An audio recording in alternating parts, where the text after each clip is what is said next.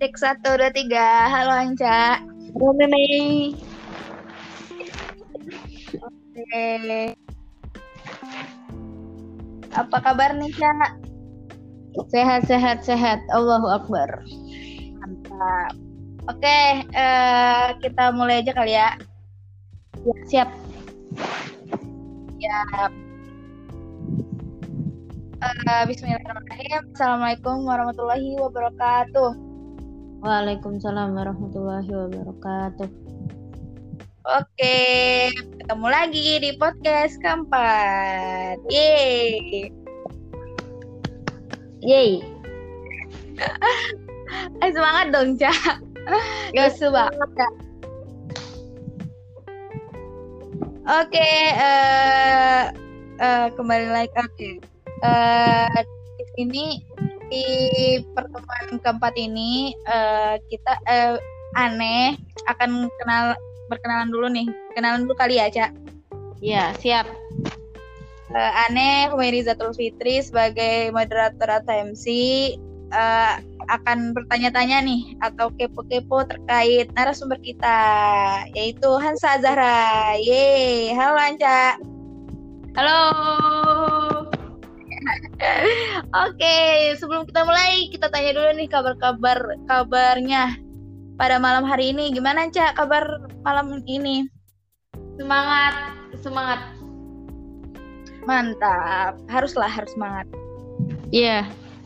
Oke, nggak nggak ada ini ya, walaupun mendung, cuacanya masih mendung nggak cak di rumah? Iya, masih. Oh iya, berarti sama dong kita. Oke, langsung ini ya, Meme bakal nanya-nanya nih cak tiga pertanyaan nih buat Anca terkait eh, materi Anca ya. Iya. Tentang harga dan pasar dalam Islam. Ah, iya, benar harga dan pasar dalam Islam. Oke, langsung pertanyaan pertama yang akan digali-gali dipaparkan di pokoknya eh, di inilah di eh, digali lebih dalam sama Anca. Oke, langsung pertanyaan pertama. Yang pertama yaitu apa sih pengertian pasar? Boleh Cak disebutin? Oke, sip. Sini langsung aja ya menjawab pertanyaan Mimi. Pasar itu apa sih? Sini eh, dalam kamus bahasa besar bahasa Indonesia dalam KBBI disebutkan tuh bahwa pasar itu adalah tempat orang berjual beli. Itu tuh ya pasar di mana ada aktivitas orang jual beli di sana, bermuamalah di dalam pasar. Nah, sedangkan menurut istilah lebih panjangnya lagi. Pasar itu apa sih? Apa cuma tempat orang berjualan atau apa gitu? Nah di sini disebutin bahwa pasar itu e, sebuah mekanisme pertukaran barang dan jasa yang alamiah yang telah berlangsung sejak peradaban awal manusia. Kita tahu ya pasar e, udah ada banget sejak zaman Nabi pun udah ada pasar dan mata pencarian Nabi pun berdagang gitu kan di pasar melakukan transaksi jual beli di pasar. Jadi di sini kayak pertukaran barang dan jasa secara alamiah. Nah, sedangkan ini ada lain nih tentang pasar. Nah, sedangkan menurut pendapat lain dalam kajian ekonomi sendiri, pasar itu apa gitu? Pasar itu adalah suatu tempat atau proses interaksi antara permintaan. Permintaan itu berarti pembeli ya. Permintaan atau pembeli dan penawaran dan penjual dari suatu barang atau jasa tertentu sehingga akhirnya dapat menetapkan harga keseimbangan atau harga pasar dan jumlah yang diperdagangkan. Jadi e, intinya tuh interaksi antara penjual dan pembeli di mana ketika ia berinteraksi bisa menentukan yang namanya harga pasar. Pasti e, penjual pembeli pembeli sebelum uh, fix membeli barang pasti dia berusaha untuk menawar biar bisa mendapatkan harga yang mungkin dia inginkan. Nah, itu ketika penjual dan pembeli ketemu melakukan proses uh, transaksi jual beli adanya tawar menawar hingga akhirnya dia menentukan uh, harga, menetapkan harga yang seimbang atau harga pasar itu sendiri. Nah, terus ada juga nih menurut uh, penjelasan lain pasar itu adalah uh, suatu tempat di mana pembeli dan penjual itu bertemu untuk membeli atau menjual barang dan jasa atau faktor-faktor produksi ya. Intinya sama ya dia penjual pembeli bertemu terus melakukan jual beli. Nah, di dalam bahasa sehari-hari pasar tuh pada umumnya diartikan kayak satu tempat doang lokasi. Kan artian geografis pasar oh mau ke mana? Ke pasar gitu. Pasar artinya kayak suatu tempat gitu kan pasar. Nah tetapi dalam pengertian teori ilmu ekonomi mikro cakupannya tuh lebih luas lebih luas daripada sekedar suatu tempat sekedar suatu lokasi. Jadi lebih luas. Nah dalam teori ekonomi mikro ini pasar tuh meliputi juga pertemuan antara pembeli dan penjual di mana antara keduanya tuh nggak pernah ketemu nggak kenal nggak pernah lihat sebelumnya gitu. Terus akhirnya mereka melakukan transaksi jual beli tersebut gitu. Pokoknya e, dari pengertian tersebut maka pasar dapat diartikan sebagai suatu tempat terjadinya mekanisme pertukaran barang dan jasa e, antara penjual dan pembeli untuk dia dapat menentukan e, harga keseimbangan pasar atau harga pasar seperti itu Mei Oke, mantap. Yang penting tuh pasar tuh ini ya interaksi antara penjual dan pembeli ya, berbagai yeah. barang dan jasa. Oke, lanjut pertanyaan kedua. Siap. Uh, apa aja sih Cak prinsip-prinsip pasar dalam Islam tuh seperti apa tuh Cak? Nah, prinsip pasar dalam Islam. Uh, tadi kan aku bilang pengertian pasar doang di sini kalau secara Islam jadi uh, sebelum masuk ke prinsipnya aku menambahin dulu. Islam itu menetapkan pasar pada kedudukan yang paling penting dalam perekonomian gitu. Nah, praktik praktek ekonomi pada masa Rasulullah, masa Khulafa Rasyidin itu menunjukkan adanya peranan pasar eh, peranan pasar yang besar. Terus Rasulullah itu juga sangat menghargai harga pasar. Jadi harga pasar itu dibentuk bukan dari uh, pemerintah. Jadi pemerintah atau pemimpin atau imam itu nggak nggak boleh menentukan harga pasar. Jadi yang berhak menentukan harga pasar itu ya antara penjual dan pembeli itu sendiri gitu. Nah langsung aja masuk ke prinsip prinsip pasar dalam Islam. Itu tuh di sini ini menurut Ibnu Taimiyah. Di sini tuh ada empat. Yang pertama prinsip pasar dalam Islam itu harus adanya arido atau keridoan gitu kan.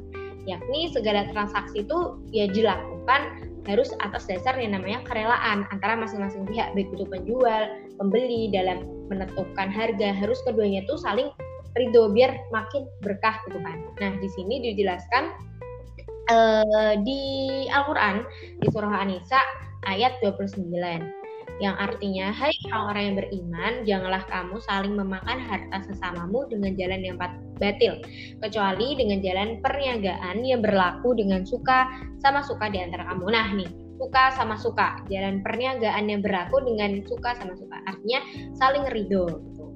nah yang kedua e, bersaing Beh, berdasarkan persaingan sehat atau yang fair gitu. Nah, kita tahu pasti di pasar yang jual itu nggak cuma satu orang yang milik ya punya toko nggak cuma satu orang pasti banyak orang dan yang dijual itu rata-rata sama gitu banyak pasti banyak banget yang jual sayuran yang jual minyak beras pasti banyak gak cuma satu kan pasti kalau di pasar nah ketika adanya persaingan maka persaingan itu harus dilakukan secara sehat. Bukannya malah adanya persaingan yang kotor misalnya kayak menimbun barang menimbun barang. Ketika emang orang ketika pembeli emang lagi butuh banget barang itu lagi dibutuhkan malah ditimbun gitu. Ntar ketika uh, misalnya apa gitu barangnya baru harganya naik baru dikeluarkan terus baru dijual dengan harga yang mahal. Itu nggak boleh ya.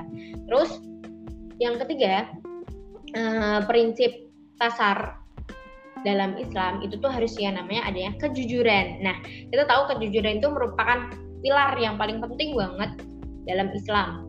Sebab kejujuran tuh uh, apa ya nilai lain dari kebenaran itu sendiri dan Islam melarang tegas kita untuk melakukan kebohongan terus adanya penipuan kayak misalnya jual beli timbangannya di apa ya ditipu-tipu gitu dikurangin gitu juga nggak boleh ya. Sebab nilai kebenaran ini akan berdampak langsung pada pihak yang melakukan transaksi dalam perdagangan. Ketika kita udah ketahuan melakukan kebohongan dalam uh, jual beli gitu otomatis uh, banyak orang yang udah hilang kepercayaan sama kita gitu kan. Jadi dalam prinsip pasar kita harus tetap ya namanya mengedepankan kejujuran asli deh terus Mantap. yang prinsip pasar itu harus adanya keterbukaan sama keadilan. Nah keterbukaan itu tuh misalnya ya uh, kita jual uh, mangga kita jual mangga di pasar. Kita bilangnya uh, ini mangganya uh, mahal soalnya emang mangganya dari sini dari apa ya diimpor langsung dari luar negeri gitu. Jadi kayak ter, keterbukaan oh tahu ternyata harganya mahal gara-gara alasannya ini gitu. Terus kalau enggak uh, misalnya ketika emang barang itu uh, misalnya mangganya itu asem ya bilang jujur aja oh ini emang agak asem gini-gini jadi kayak ada transparansi kebuka keterbukaan antara penjual dan pembeli. Nah serta adanya keadilan gitu jadi prinsip ini tuh yang dilakukan dituntut untuk berlaku benar dalam pengungkapan kehendak dan keadaan yang sesungguhnya. Jadi dan ya ketika yang terjadi ini yang dikatakan harus ini. Itu Mei.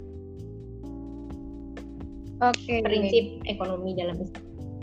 Jadi ada empat doang sih, ada empat. Yang pertama ridho, terus harus kalau bersaing itu harus dengan persaingan yang fair gitu yang sehat terus adanya kejujuran sama keterbukaan serta keadilan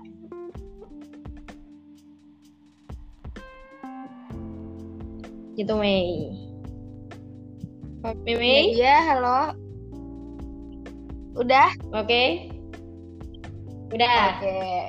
oke okay. oh itu ya Ca yang tadi prinsip ada empat ada keridoan terus juga ada apa uh, persaingan yang sehat, juga ketaatan, keadilan, pasti ya di prinsip kayak gitu.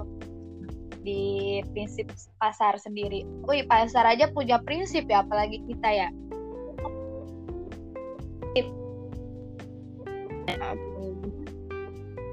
Wah, kayaknya sinyalnya ini ya, Cak, lagi kurang bagus ya.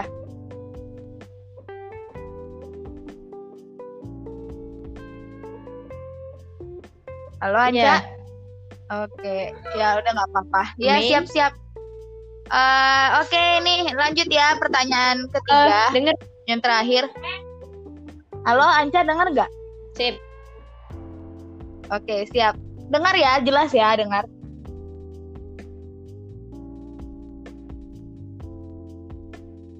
Oke, Ca, lanjut ya. Pertanyaan ketiga nih, pertanyaan terakhir. Uh, pertanyaan terakhir. Dengar uh, apa aja sih prinsip harga pasar menurut para ulama? Nah,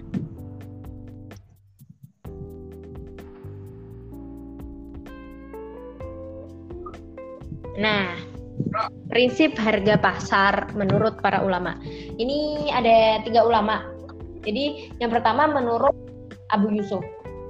Jadi Abu Yusuf itu uh, mengungkapkan bahwa prinsip harga pasar itu nggak ada batasan gitu tertentu nggak ada batasan tentang murah dan mahal yang dapat dipasti yang dapat dipastikan. Jadi eh, mahal tuh sama murah itu dia menganggapnya bahwa itu tuh adalah ketentuan Allah. Jadi tidak bisa diketahui ketika murah bukan karena makanannya banyak pros, eh, apa yang dijual itu banyak maka ia jual murah. Eh, atau barang itu sedang usum maka dia jual murah. Enggak dan atau misalnya ketika uh, barang itu langka maka ia jual mahal itu enggak. Jadi dalam pasar itu harga pasar itu maka itu tuh udah ketentuan Allah gitu atau sunatullah. Itu yang menurut Abu Yusuf. Jadi murah dan mahalnya itu merupakan sunatullah gitu. kita nggak bisa tahu gitu. Terus yang kedua itu eh, menurut Ibnu Taimiyah. Nah di dalam uh, bukunya Al Hizbah fi al-Islam dan Majmu' Fatawa. Jadi dia menganggap di harga pasar itu gimana sih? Jadi naik turunnya harga itu tidak selalu disebabkan oleh adanya ketidakadilan dari beberapa bagian perilaku transaksi. Kadang itu e, naik turunnya harga disebabkan oleh defisiensi dalam pro produksi atau penurunan barang yang diminta atau tekanan jiwa. Jadi dia tuh menganggap naik turunnya barang itu tergantung e, penawaran permintaan. Jadi perubahan dalam penawaran itu digambarkan sebagai peningkatan atau penurunan dalam jumlah barang yang ditawarkan, sedangkan permintaan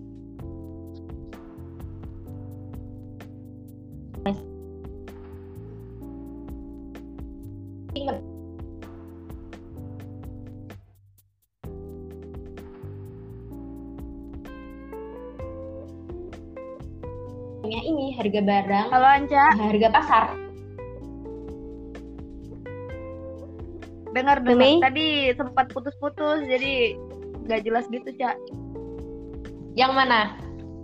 Kayaknya dari awal dari meme tanya pertanyaan ketiga itu udah mulai kayak kurang-kurang putus kayak putus-putus gitu. Ya udah ulangi aja ya. Mau?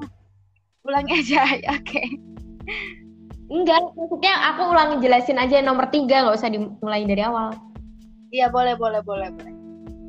Jadi tadi pertanyaan ketiga dima di, mohon dimaafkan dikarenakan terkendala sinyal maka kita akan ulangi ya. pertanyaan ketiga. Oke okay, apa uh, tadi eh, oke okay, pertanyaan terakhir. Uh, apa aja sih prinsip harga pasar menurut para ulama? Oke okay. jadi dalam prinsip harga pasar itu tuh ada tiga pendapat ulama tentang harga pasar tuh prinsipnya tuh gimana gitu. Di sini ada yang pertama menurut uh, Abu Yusuf di dalam kitabnya yang berjudul Al-Khoroj.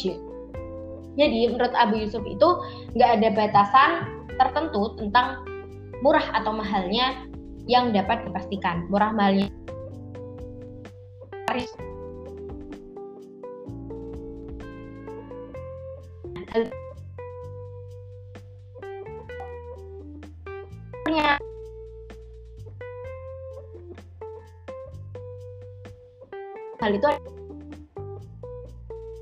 karena iya kasus Meme denger gak? Masih putus-putus, Cak. As uh, coba coba pindah. Coba uh. pindah tempat, Cak. Nggak tahu Tapi denger tempat gak? lebih bagus. Dengar. Kadang tuh dengar, kadang putus gitu deh. Denger gak? Udah, udah. Tapi sekarang lancar kan? Ah, masih putus-putus. Masih...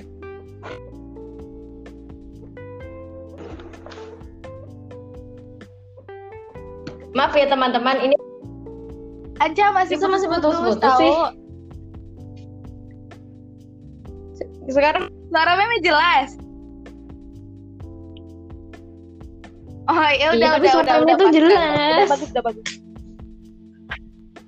Iya benar benar udah.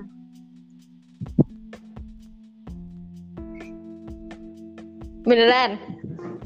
Enggak udah udah. Oke. Okay. Ya, maaf ya teman-teman. Maaf ya. Dikarenakan uh, sinyal. Di antara kita Ini masih putus-putus kan? Ada kendala sinyal, mohon dimaklumkan. Oke, silahkan Anca lanjut. Oke, siap. Jadi prinsip harga pasar menurut para ulama itu ada tiga pendapat. Jadi yang pertama dari uh, Abu Yusuf. Beliau berpendapat bahwa uh, harga pasar itu tidak ada batasan tertentu tentang ketentuan murah sama mahalnya yang dapat dipastikan. Jadi hal tersebut tuh, wah, itu tuh udah ada yang mengaturnya. Jadi murah dan mahal menurut uh, Abu Yusuf itu udah merupakan ketentuan dari Allah atau sunatullah. Jadi uh, prinsipnya tuh nggak bisa diketahui ketika murah tuh bukan karena banyaknya harta yang melimpah, eh banyaknya makanan yang melimpah atau ketika uh, apa sih pasokannya itu pasok pasokan makanannya tuh banyak atau lagi musim-musimnya, maka dijual murah itu tuh bukan prinsipnya gitu. Dan demikian juga ketika mahal itu bukan karena kelangkaan makanan. Jadi murah mahalnya itu merupakan ketentuan Allah atau sunatullah itu. Nah, lalu yang kedua itu tuh menurut Ibnu Taimiyah ya. Kalau Ibnu Taimiyah tuh mm, prinsip harga besar itu tuh tergantung tentang uh, supply supply dan demand ya atau permintaan dan penawarannya itu lebih gampangnya. Nah, lalu yang terakhir itu tuh tentang uh, pendapatnya Ibnu Khaldun di kitabnya Al-Muqaddimah Nah, di sini uh, beliau mengemukakan bahwa uh, harga pasar itu tingkat keuntungan yang wajar akan mendorong pertumbuhan perdagangan. Sementara tingkat keuntungan yang terlalu rendah akan membuat lesu perdagangan. Nah, para pedagang dan produsen lainnya akan kehilangan motivasi bertransaksi. Sebaliknya, jika tingkat keuntungannya terlalu tinggi, perdagangan juga akan melemah, gitu kan. Nah, pokoknya di sini intinya kalau menurut Bapak menurut uh, Al eh menurut Ibnu Khaldun itu tuh ketika barang yang tersedia sedikit maka harganya itu akan naik. Namun bila jarak ya pokoknya gitu. Ketika barang yang tersedia sedikit harganya itu akan naik. Jadi kayak dia itu kebalikannya dari pendapatnya uh, okay. Ibnu Taimiyah gitu. Uh, itu Mei. Oke, okay, itu tadi ya berapa pendapat yang disampaikan oleh Anca pendapat ulama terkait prinsip harga ya cak? Uh, ada Al Abu Yusuf ada yeah. Ibnu Taimiyah Ibnu Holdun sama apa satu lagi cak? Oh, udah tiga dong. Oke okay, udah uh, cuma tiga. gimana sih kita tutup aja kali ya. Oh, cukup baik. Uh, ya tutup Oke, kita tutup aja di podcast keempat ini. Semoga teman-teman dan kerabat yang lainnya mendengarkan dengan baik. Semoga bermanfaat.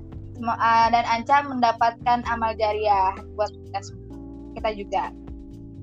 Uh, kita tutup dengan pembacaan Alhamdulillah. Alhamdulillah Rabbil Alamin. Uh, Oke, okay, uh, langsung kita tutup Amin. aja. Uh, pamit undur diri dari saya, Ane, dan ente juga ya, Cak. Oke, tetap. Assalamualaikum warahmatullahi wabarakatuh. Iya. Yeah. Dadah, sampai ketemu di podcast berikutnya. Warahmatullahi wabarakatuh. Dadah, Mimi.